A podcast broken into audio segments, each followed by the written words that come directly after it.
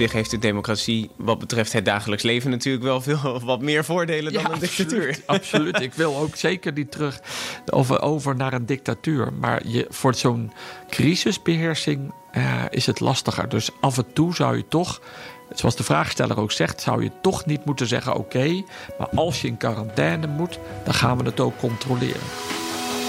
Hallo, ik ben Kees Dorrestein. En ik ben Diederik Gommers. Ja, bekend IC-arts en OMT-lid. En in deze podcast beantwoordt hij jouw coronavragen. Stuur je vragen naar me op via WhatsApp 06 8370 9229, via de mail gommers.bnr.nl of via Instagram BNR Nieuwsradio. Dan leg ik ze aan hem voor. Vraag het, Gommers. 1, 2, 3. Doet hij het weer, denk ja. ik? Ja. Als, als ik jou zie, moet ik altijd denken: wat heb ik gisteravond gegeten?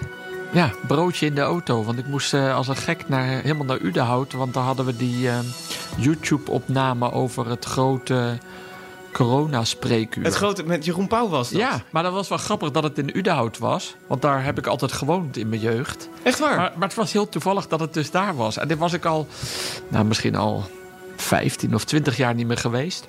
Dus ik ben nog even langs, toen het voorbij was, nog even langs het huis gereden waar we altijd gewoond hadden. Als, als kind in Udenhout ja, uh, gewoond? Ja, ja. tot mijn achttiende heb ik daar gewoond. Hè. Daarover gesproken, ik, ik vind het heel grappig dat u over Udenhout begint. Want hij, daar heeft u ook vroeger gehockeyd, volgens mij. Ja, hè? ja. Want u postte laatst op Instagram een foto van... het kan even niet, dat vind ik jammer, uh, met uw hockeystick. Uh, ik hoop dat er weer een tijd komt dat, dat, dat u weer kunt hockeyen. Daaronder zag ik een reactie. Ik denk van een oud clubgenoot... En die zette daaronder dat hij toch wel de neiging had om veel kaarten te pakken. Ja. is nou, dat echt? Ja, dat is echt zo. Het gaat steeds beter hoor, maar ik kan nog steeds. steeds beter. Hoeveel per seizoen?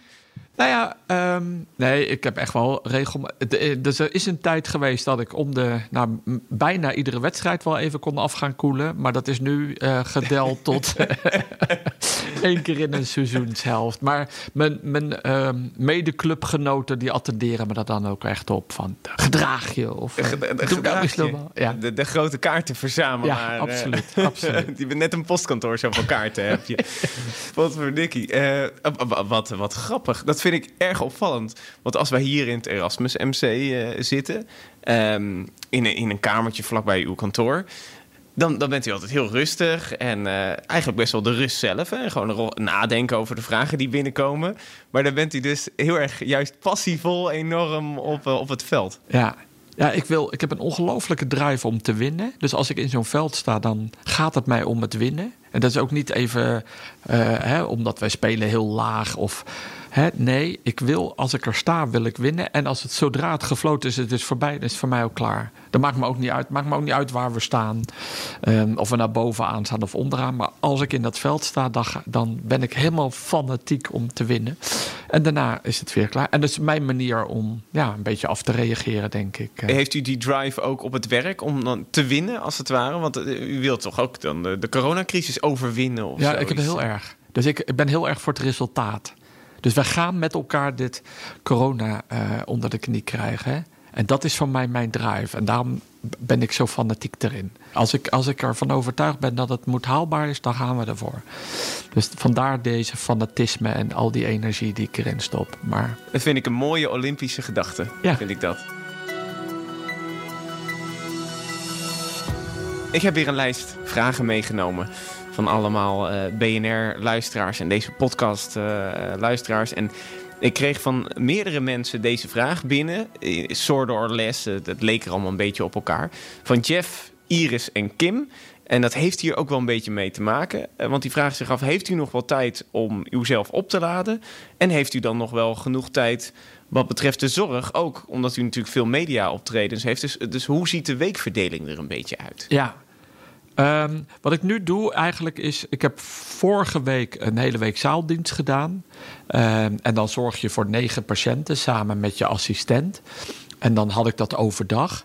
En wat ik dan wel doe, dan ga ik niet naar Jinek of op één, want dat is dan te laat. Als je dan, want dan ben je vaak in mijn geval om half één, één uur thuis. En als je dan om uh, zes uur de wekker weer gaat, vind ik eigenlijk te kort. Dus dan zeg ik vaak, in die weken doe ik geen televisieoptredens, ook al word je gevraagd. Ehm, nu heb ik deze week een administratieweek, maar die zit eigenlijk nog voller. Want ik heb heel de dag ehm, met die Zoom en Teams bijeenkomsten, kan je het eigenlijk heel tijd vol plannen, want je bent geen reistijd meer kwijt. Maar dat betekent wel dat je agenda, s ochtends om acht uur begin. En net zoals gisteravond was ik om tien uur thuis of zo. Ja, dat zijn dan lange dagen en die zijn eigenlijk zwaarder dan als ik in de kliniek sta. Eh, en volgende week heb ik weer een kliniekweek. Dus ehm, ja, ga ik weer wat minder uh, optredens doen. Zodat er een beetje een combinatie is tussen de, bala de, de, de balans tussen uh, media, onderzoek en het, het zorgwerk. Als ja, het ware. Ja, ja. Ja. ja, dat is ook de reden dat ik hier altijd naartoe kom zodat u eventjes uh, in het hokje kan zitten en daarna dat het uw werk zo min mogelijk ook uh, belemmert natuurlijk. Nee, maar absoluut. Ik bedoel, ik zeg ook uh, tegen heel veel mensen ja. Ik bedoel, je, je kan ook nee zeggen. Maar ik krijg nu heel veel aanvragen van studentenverenigingen. Ja, en dan denk ik, ja, dat is toch leuk om met hun te praten. Of voor hun almanak of voor hun magazine. En dan denk ik, ja, maar daarmee bereik ik kan ik misschien wel andere mensen bereiken. Dat ik het toch een stukje kan uitleggen. En ik vind het heel erg leuk om jonge mensen een beetje te prikkelen. En uit het kast te dagen. Dat ze ook gewoon zelf gaan nadenken. Maar ook een beetje het podium pakken. Snap je? We moeten vooral van de jonge mensen. Moeten ook meedenken aan versoepeling. Aan, aan oplossingen. Dat moet alleen, niet alleen maar van uh, de Jaap van Dissels of van het kabinet komen, wat mij betreft. Nee, dat vind ik een, vind ik een mooie gedachte. Ja. Zelf ook, ik ben zelf millennial, dus ik vind het heel leuk dat er met jonge mensen gepraat wordt. Natuurlijk. Dus oké, die verdeling. Nou, snel antwoord. Hartstikke idee. Steek hem in uh, je zak, uh, Jeff, Iris en Kim. Um, vraag nummer twee. Uh, van Jacco. En ik ben daar zelf eigenlijk ook heel erg benieuwd naar, naar deze vraag. Um, die zegt aan het begin van de coronacrisis, zei Rutte, dat we op basis van 50% van de kennis 100% van de beslissingen moeten nemen. Hele bekende uitspraak was dat natuurlijk.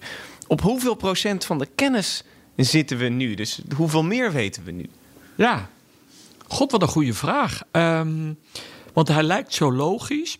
En het was ook zo, hè, dat we 100% uh, beslissingen moesten nemen. Um, en ik vind eigenlijk ook dat we nu in de tweede golf al veel meer weten. Maar als je daarover na gaat denken, zijn er toch nog steeds heel veel dingen die we niet weten. We krijgen nu ook vragen over antistoffen en dat vaccin en helpt het dan? En we krijgen toch ook heel veel informatie dat sommige mensen helemaal geen antistoffen hebben. En hoeveel hebben mensen in de Nederlandse bevolking komt nu antistoffen voor? Ja, dat is eigenlijk pas, um, hoorde ik laatst, um, van begin oktober was dat zo net boven de 5% Dat is heel weinig. 5% van Nederland heeft antistoffen? Ja, dat is natuurlijk eigenlijk heel weinig. Je verwacht dat veel meer. Nou zal het wel weer toenemen omdat er een tweede golf komt. Dan heb je weer meer contact.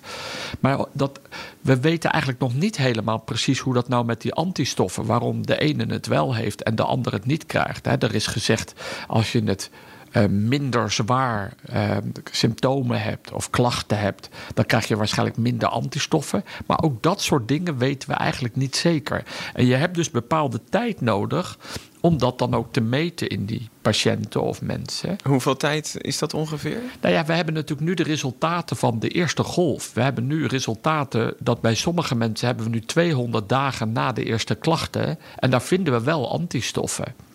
Maar Nog steeds dus? Ja, maar dat is dus in de groep die antistoffen hebben. Dus hè, je hebt verschillende antistoffen, maar de IgG, uh, die, die blijf je het langste bij. Maar IgG? In, ja, dat is een van de antistoffen. Je hebt IgM en IgA, maar IgG, dat zijn de antistoffen die je lang bij je houdt.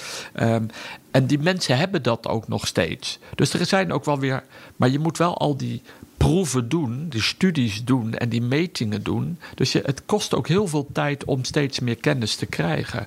Dus ja, in, terugkomend op die vraag, denk ik eigenlijk dat we pas op 60% zitten. Want we weten eigenlijk nog steeds heel dus veel. we hebben eigenlijk maar 10% erbij. Ja, weten te eigenlijk wel, denk ik dan. Ja, of eigenlijk um, 50% van de kennis helemaal aan het begin het is een mooie uitspraak, maar we hadden amper kennis volgens Ja, mij. nee, zo kan je het ook zeggen. Misschien zaten we toen op 25 en zitten we nu op 40. Maar we, we hebben een aantal medicijnen die we nu geven. Maar we weten zelf nog niet helemaal precies hoe dat virus eigenlijk in ons lichaam werkt. Hè. Wat heb ik al vaker aangegeven. Geeft het nou trombose of is het meer een ontsteking of een longontsteking? Ehm, nou, daar geven we die verschillende medicijnen. Maar we hebben toch nog meer onderzoek nodig om het echt te weten. En die- dat onderzoek loopt, en niet alleen in Nederland, maar ook in het buitenland. En we lezen iedere dag, krijg je nieuwe artikelen te lezen. Ehm, maar we weten nog eigenlijk best veel niet. Oh, eh, u had al een paar voorbeelden van, maar wat is het belangrijkste wat u nu het liefste zou willen weten? Eh, Als, als u direct het op een blaadje zou kunnen krijgen. Nou, voor mij persoonlijk, ik zou heel graag willen weten of het nou toch die trombose op de voorgrond staat. Want als dat zou zijn, en we zouden dat echt weten, dan zou je veel vroeger, als mensen met coronaklachten, misschien in de huisartssituatie al een vorm van bloedverdunner of eh, ja, dat bloedplaatjes, aggregatieremmer, wat we geven bij hartinfarcten. Zodat dat het al kan Ja, voorkomen. zodat, zodat je dat een beetje kan tegenhouden. Maar omdat we het nu niet zeker weten, kan je niet tegen iedereen gaan zeggen dat hij dat moet nemen. Want er zitten ook heel grote bijwerkingen aan. En zeker als ouderen eh, eh, bloedverdunners gaan nemen en je valt, krijg je misschien wel een hersenbloeding. Ehm, ja, dat, dat is natuurlijk dat is een ongelofelijke consequentie. Ja, dus dus je kunt dat risico's. alleen maar zeggen als je het goed hebt uitgezocht en dat je het weet. Ja, en daar hebben we meer tijd voor nodig. Is er een kans dat als dat vaccin er uiteindelijk komt, ergens volgend jaar wordt nu gezegd, ehm, dat we nog, nog steeds eigenlijk eh, heel veel niet weten? Ja, ja. Ja, je hebt toch echt wel eh, tijd nodig en goede experimenten nodig, al of niet in diermodellen, om bepaalde dingen tot echt in de basis goed uit te zoeken. En als, het dan je, hè, als je dan een gedachtegang hebt, dat je dan zegt: Oké, maar dan ga ik het in de kliniek dat medicijn gebruiken. En dan moet je het weer een hele nette studie doen. En dan moet je dat medicijn vergelijken met een nepmedicijn. Zodat je ook echt zeker weet dat je niet naar je eigen antwoord zit toe te werken waar je zelf in gelooft. Ja. Zijn die tests überhaupt mogelijk? Want ja, je hebt, je hebt alleen maar natuurlijk eh, zieke coronapatiënten die binnenkomen. Dus het is ook niet heel handig, denk ik, om op iedereen te gaan zitten testen. Nee, maar er worden nu wel, wat we nu net zeiden, bijvoorbeeld of je bloedplaatjes eh, remmers moet gebruiken, hè, aggregatieremmers moet gebruiken. Dat wordt nu, loopt een grote test in Zwitserland, Italië. En dat zijn weer andere studies die lopen in andere landen. Er is ook een consortium. Eh, waar, waar zeg maar eh, in honderd landen tegelijk coronapatiënten worden getest. En die, die data is wel heel belangrijk voor ons. Het is voor dokters echt belangrijk dat je alleen maar dat doet waar je echt van overtuigd bent dat de eh, patiënt er baat bij heeft. En dat je niet zomaar, hè, wat we in de eerste golf gedaan hebben, hebben we toch medicijnen die al geregistreerd waren voor andere ziektes, die hebben we gebruikt voor corona. Dus het waren wel echte medicijnen, die waren ook echt getest, maar die waren niet getest voor het COVID-19.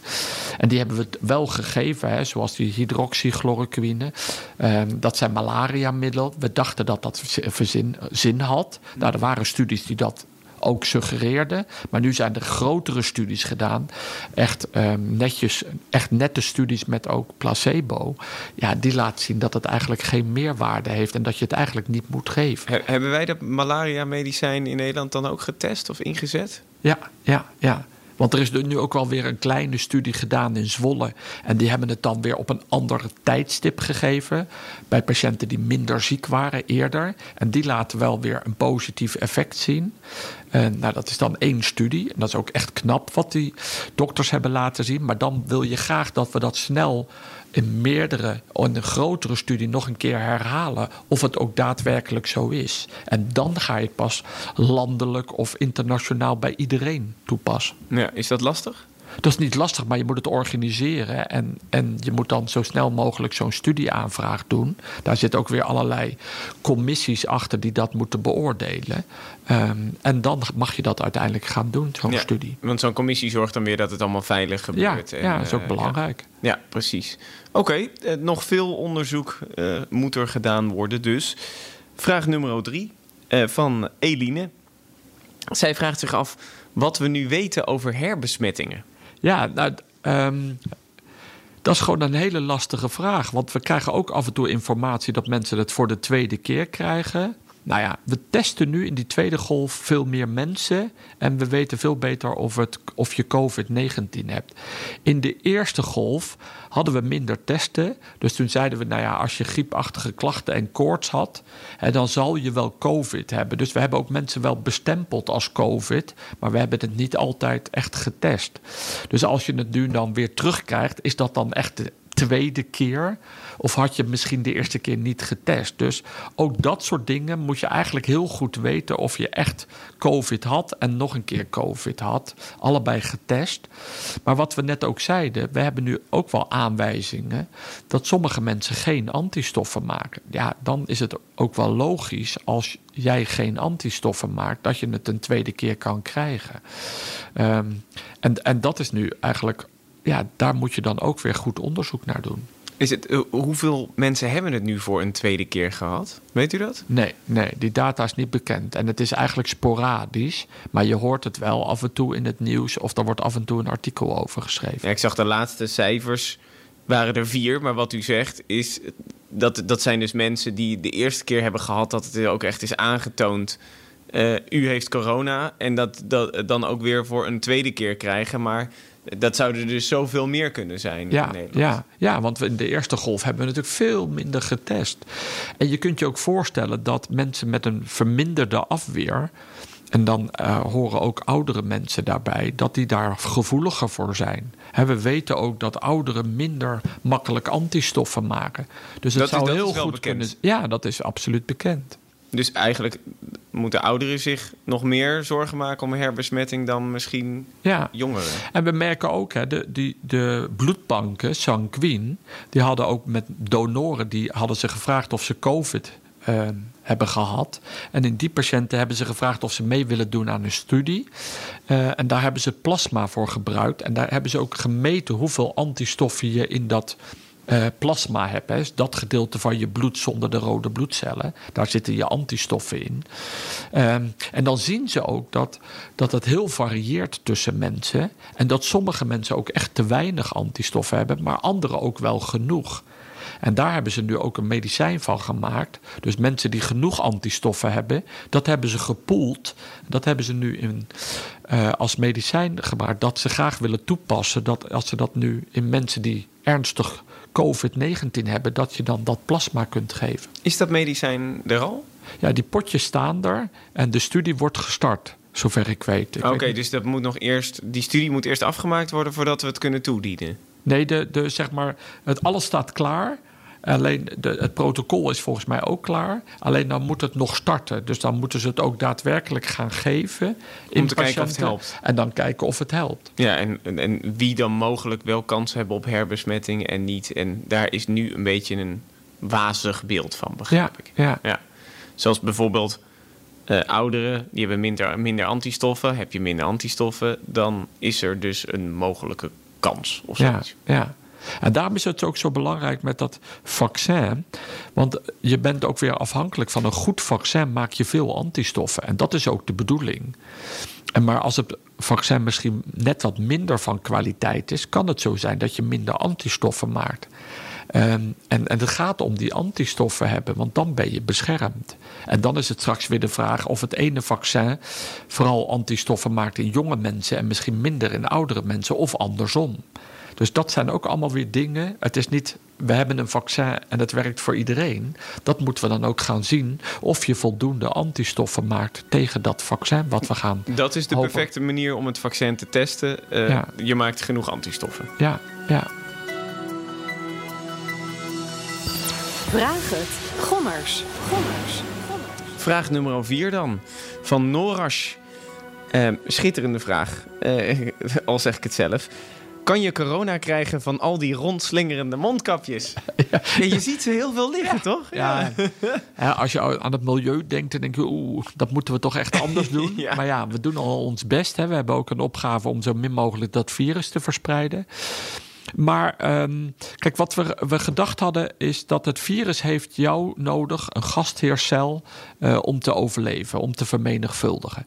Maar als het naar buiten komt in een waterige omgeving, in waterdruppeltjes, kan het best wel lange tijd blijven bestaan. En er is ook wel onderzoek dat het op speciale materialen, zoals gladde tafels, sommige metalen, dat het daar best wel lang kan bestaan. Eerst dachten we een paar uur, vier tot zes uur, maar er zijn nu ook wel studies verschenen dat het misschien wel een dag is, of misschien wel twee dagen of drie dagen. Langer dan we in het begin dachten. Dan betekent in die mondkapjes eh, waar je door geademd hebt, dat middelstuk, ehm, dat is vochtig. En als je dat dan weggooit, dan is die vochtigheid, daar kan dat virus overleven voor een aantal dagen. Dus als je dat mondkapje van een ander in het midden vastpakt, ja, dan pak je eigenlijk, eigenlijk in de nattigheid. Ja, maar, en dan eh, zit ik, het ik zie het virus. helemaal voor me. Zo'n Ja, dan vieze nattigheid. Ja, maar dan heb je dus virus aan je vinger. Maar dat betekent daarna, als je dat opgepakt hebt en in de prullenbak, want dat zou ik toch wel denken dat we dat met z'n allen moeten doen, moet je daarna wel even je handen wassen. Maar je kan ook het elastiekje vastpakken. En dat, de kans dat dat elastiekje dat daar virus aan zit, is vele malen kleiner. Maar het is niet nul. Dus ik zou zeggen, ik pak het bij het elastiekje, gooi het dan in de prullenbak. Zoek dan daarna een plek waar ik zo snel mogelijk mijn handen kan wassen. En als ik dat niet kan, ja, raak dan niet met je handen je gezicht aan. Doe dat dan even niet. Maar het is dan ook een beetje...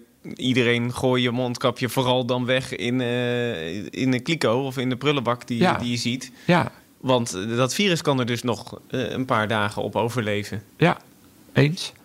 Dat is, je zou bijna denken dat je van die prikkers nodig hebt om al die mondkapjes. eh, Ja. nou ja, maar te- iedereen, te de meeste mensen gooien hem toch denk ik echt Ja. wel in de prullenbak. Ik denk dat het vaker ook is dat mensen hem per ongeluk verliezen. Want je ziet het vaak in parkeergarages of zo. Als het dan uit iemand zijn jaszak is gevallen, denk ik dan. Ja, Eh, want vaak zijn het ook nog. Ik zie ook, ook regelmatig van die stoffen mondkapjes. eh, en die, dan, dan zie je van die mensen die het dan netjes op zo'n paaltje hangen. Van, Ja. eh, van oh, als je je mondkapje eh, terug wil. Maar doe dat dus voorzichtig. Ja. Of Ja. ontsmet je handen vooral daarna. ja dat is, dat is de belangrijkste. Ja. Ik heb een audiobericht ook binnengekregen. Want je kan natuurlijk vragen whatsappen. En dan vind ik het ook heel leuk als je een audioberichtje gewoon opneemt via WhatsApp. Kan gewoon natuurlijk rechts onderin even inspreken. Een bericht aan Diederik. En dan leg ik die gewoon zo aan hem voor. Dus ik ga hem er even bij pakken. Ik ben Lex Laton en ik wil graag aan Diederik Gommers vragen of we ons niet primair, dus veel meer dan nu, zouden moeten gaan richten op het scheiden van zieke en gezonde mensen. Als we zoveel mogelijk voorkomen dat besmette mensen naar publiek toegankelijke ruimtes gaan, zoals het OV, musea, theaterstations, winkels, dan kunnen we het virus veel beter beheersen. Dat is niet heel moeilijk, niet duur en het werkt al in andere landen. Met als resultaat minder zieken, minder schade en veel minder beperkingen voor 99% van de bevolking. Ja, nou, eigenlijk heeft hij een beetje gelijk. Want dat is wat onze opgave is. We willen mensen die besmet zijn, moeten echt even in quarantaine, moeten echt even zorgen dat ze geen contact hebben met anderen, waar ze het virus dan weer aan doorgeven. En, en in andere landen zijn ze daar strenger in. Dus als je in quarantaine moet, dan word je ook gecontroleerd dat je ook echt in quarantaine blijft. Ja, en in Nederland, hè, zoals Mark Rutte het altijd zegt, we spreken je aan op je verantwoordelijkheid. En de vraag is of dat altijd goed gaat. Ik denk het eigenlijk niet. Dus ehm, als je het virus sneller onder controle wil krijgen, dan is het eigenlijk ongelooflijk belangrijk dat je strenger zou zijn om in quarantaine te gaan. Nou, ik denk dat dat belangrijk is, dat we dan ook beter en sneller zouden moeten testen. Als je klachten krijgt, moet je eigenlijk gewoon op dezelfde dag of liefst de volgende dag getest kunnen worden en dat je snel de uitslag hebt. Want dan ga je het ook doen. Nou, gelukkig is het aantal eh, patiënten hè, of mensen die nu eh, een test willen afnemen, is gedaald. En de, en de GGD is het nu gelukt ook om weer meer te kunnen testen. Dus we zitten nu weer in een groot aantal GGD's dat je snel getest kan worden en dat je snel de uitslag hebt. En ik denk dat dat heel belangrijk is.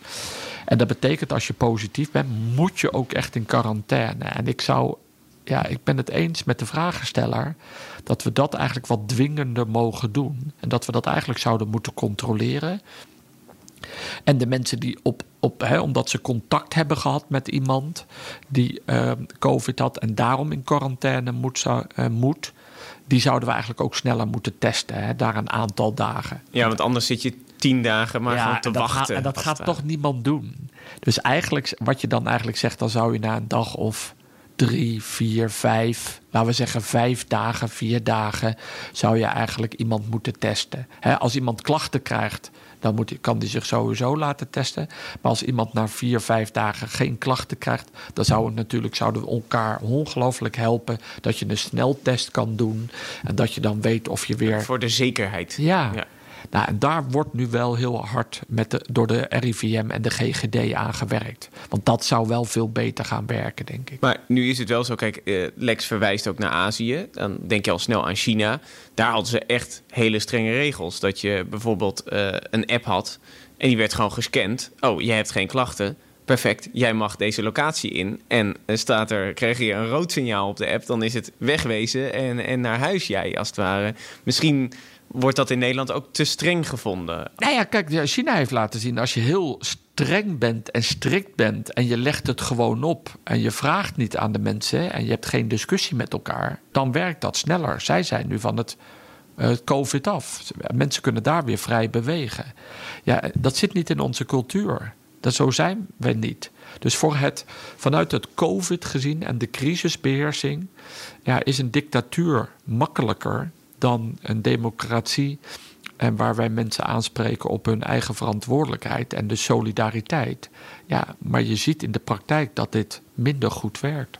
Ja, dat is nu op zich heeft de democratie wat betreft het dagelijks leven natuurlijk wel veel wat meer voordelen dan een dictatuur. Absoluut. Ik wil ook zeker niet terug over, over naar een dictatuur. Maar je, voor zo'n crisisbeheersing uh, is het lastiger. Dus af en toe zou je toch zoals de vraagsteller ook zegt, zou je toch niet moeten zeggen: oké, maar als je in quarantaine moet, dan gaan we het ook controleren. Dat doen we zelf hè, met reizigers. Als je landt op Schiphol, dan zeggen we ja, dan geven we het advies dat je in quarantaine moet. Maar we controleren het niet. Ja, waarom eigenlijk niet? Waarom moeten we het. Ik denk dat hij dat wel een beetje gelijk heeft. Betekent dat dan ook uiteindelijk dat er voor andere mensen die het niet hebben, weer meer ruimte ontstaat? Ja, ja, dat is natuurlijk eigenlijk wat je doet. Bijvoorbeeld dat we zo'n systeem krijgen. Uh, je mag de kroeg wel in, maar eerst een test. Ja. En dan, dan kan, je gewoon, ja, kan je gewoon lekker dronken worden. Want hè, het blijkt dat je, niet, uh, dat, je, dat je negatief bent. Dus dat je niks hebt. Ja, dus daar hoop ik ook een beetje op. Hè, dat dat testen, dat gaat, gaat ongelooflijk goed vooruit. En dan maken ongelooflijk veel stappen. En ook in sneltesten. Dus het zou zomaar kunnen zijn dat we in januari straks zoveel voldoende sneltesten hebben. Nou, dat je dit soort ideeën kan uitwerken en proberen in bepaalde gemeentes. En als dat dan goed werkt, ehm, ja, dat je dat dan als algemene regel gaat afspreken. Um, Monique die uh, kwam uh, met uh, vraag 6. En zij kwam met een persoonlijk verhaal, namelijk dat haar man astma heeft en daarom een saturatiemeter in huis heeft. Uh, ik ben geen medisch specialist, maar dat is een meter die meet hoeveel zuurstof je in je bloedcellen hebt, toch? Ja, dus het, de zuurstof zit, zit uh, gebonden aan je rode bloedcel.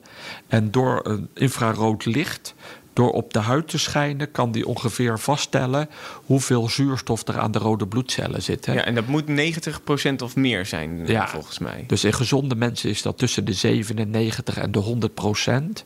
En als je dus zuurstoftekort en benauwd wordt, dan zit het onder de 90. Zij zegt dus: wij hebben een saturatiemeter in huis. En uh, die meet of je dan genoeg zuurstof hebt.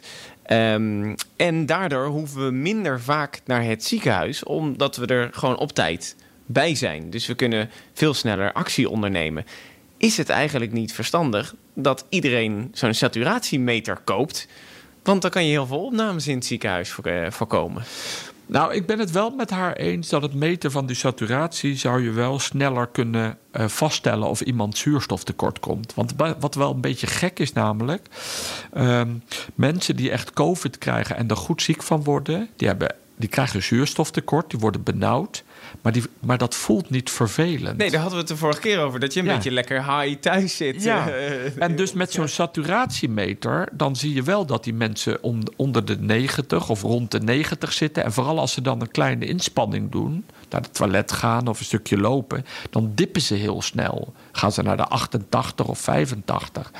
En dan zeg je van jongens, wacht even... maar deze patiënt moet naar het ziekenhuis die heeft extra zuurstof nodig. Want als je dat niet doet, kan het ook zijn dat je hart te weinig zuurstof krijgt met alle gevolgen van dien. Dus zo'n saturatiemeter helpt niet zozeer om niet naar het ziekenhuis te gaan. Het helpt je misschien om op tijd naar het ziekenhuis te gaan. Maar dan zou je er misschien dus ook korter kunnen liggen. Nou, dat, maar dat weten we dan niet. Ah, Kijk, bij zo'n astma, bij astma heb je natuurlijk goede medicijnen.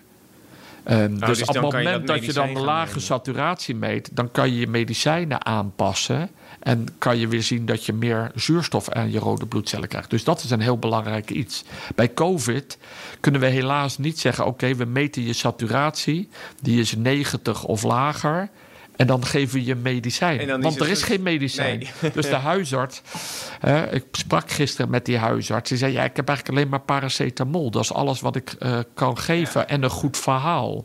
Maar eigenlijk kan de huisarts geen medicijnen geven tegen COVID-19. Nee, dus dan zou je toch altijd wel weer naar het ziekenhuis moeten. Of Ja. je nou zo'n apparaat hebt of niet. Nee, dus eigenlijk haar vraag te beantwoorden. Een saturatiemeter helpt niet om minder mensen naar het ziekenhuis te sturen. En ik dacht, ik eh, ben net ook eventjes gaan googlen.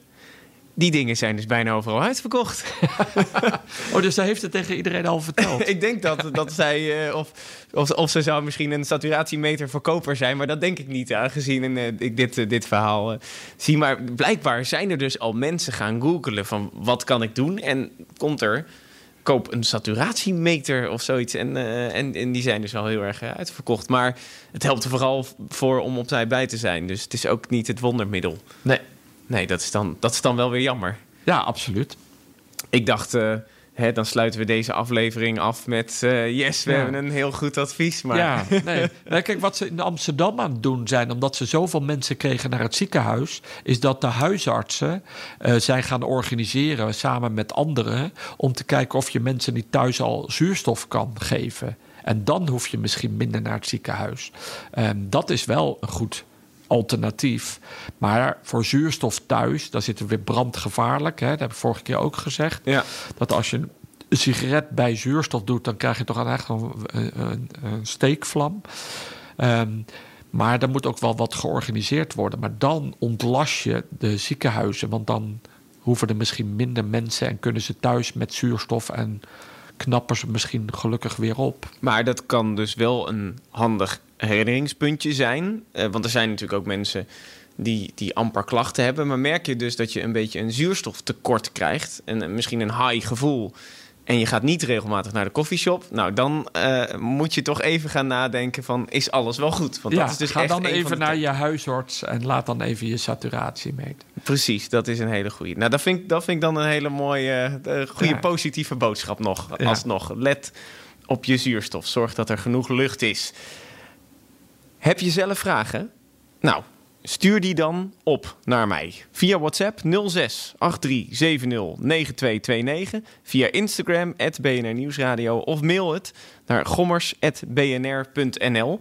Want dan kan ik die weer aan Diederik Gommers voorleggen. En vond je de podcast leuk? Abonneer je er dan vooral op, want dan zie je ook direct alle andere afleveringen. Krijg je ook weer een melding als er een nieuwe online komt. Dat soort dingen, dat is hartstikke goed. Dan hoef je eigenlijk voor de rest niks meer te doen. Gewoon één keer abonneren. En Diederik, aan u kan ik dan gewoon weer zeggen...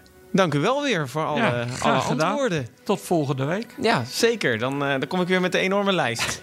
Allemaal weer andere mensen die oplossingen hebben. Dan mag u daar als een soort van The Voice jurylid Ja, naar gaan dat kijken. is ook misschien wel goed, hè? dat ze niet alleen vragen stellen, maar ook nu met oplossingen komen. Hè? Want we zien nu al een paar dagen dat het ook in de ziekenhuizen gaat dalen.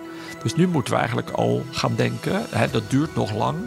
Maar we moeten nu ook wel met elkaar misschien gaan denken, maar wat gaan we nou als het straks weer onder die grenswaarde is? Hoe gaan we dan met elkaar leven? Want in juli dachten, dachten we dat we met elkaar op vakantie konden. Nou, achteraf is dat niet zo'n goed plan geweest. Maar wat gaan we dan wel doen in januari? Dus als mensen goede ideeën hebben, stuur ze ook op. Nou, dat vind ik een hele goeie. Bij deze, doe dat.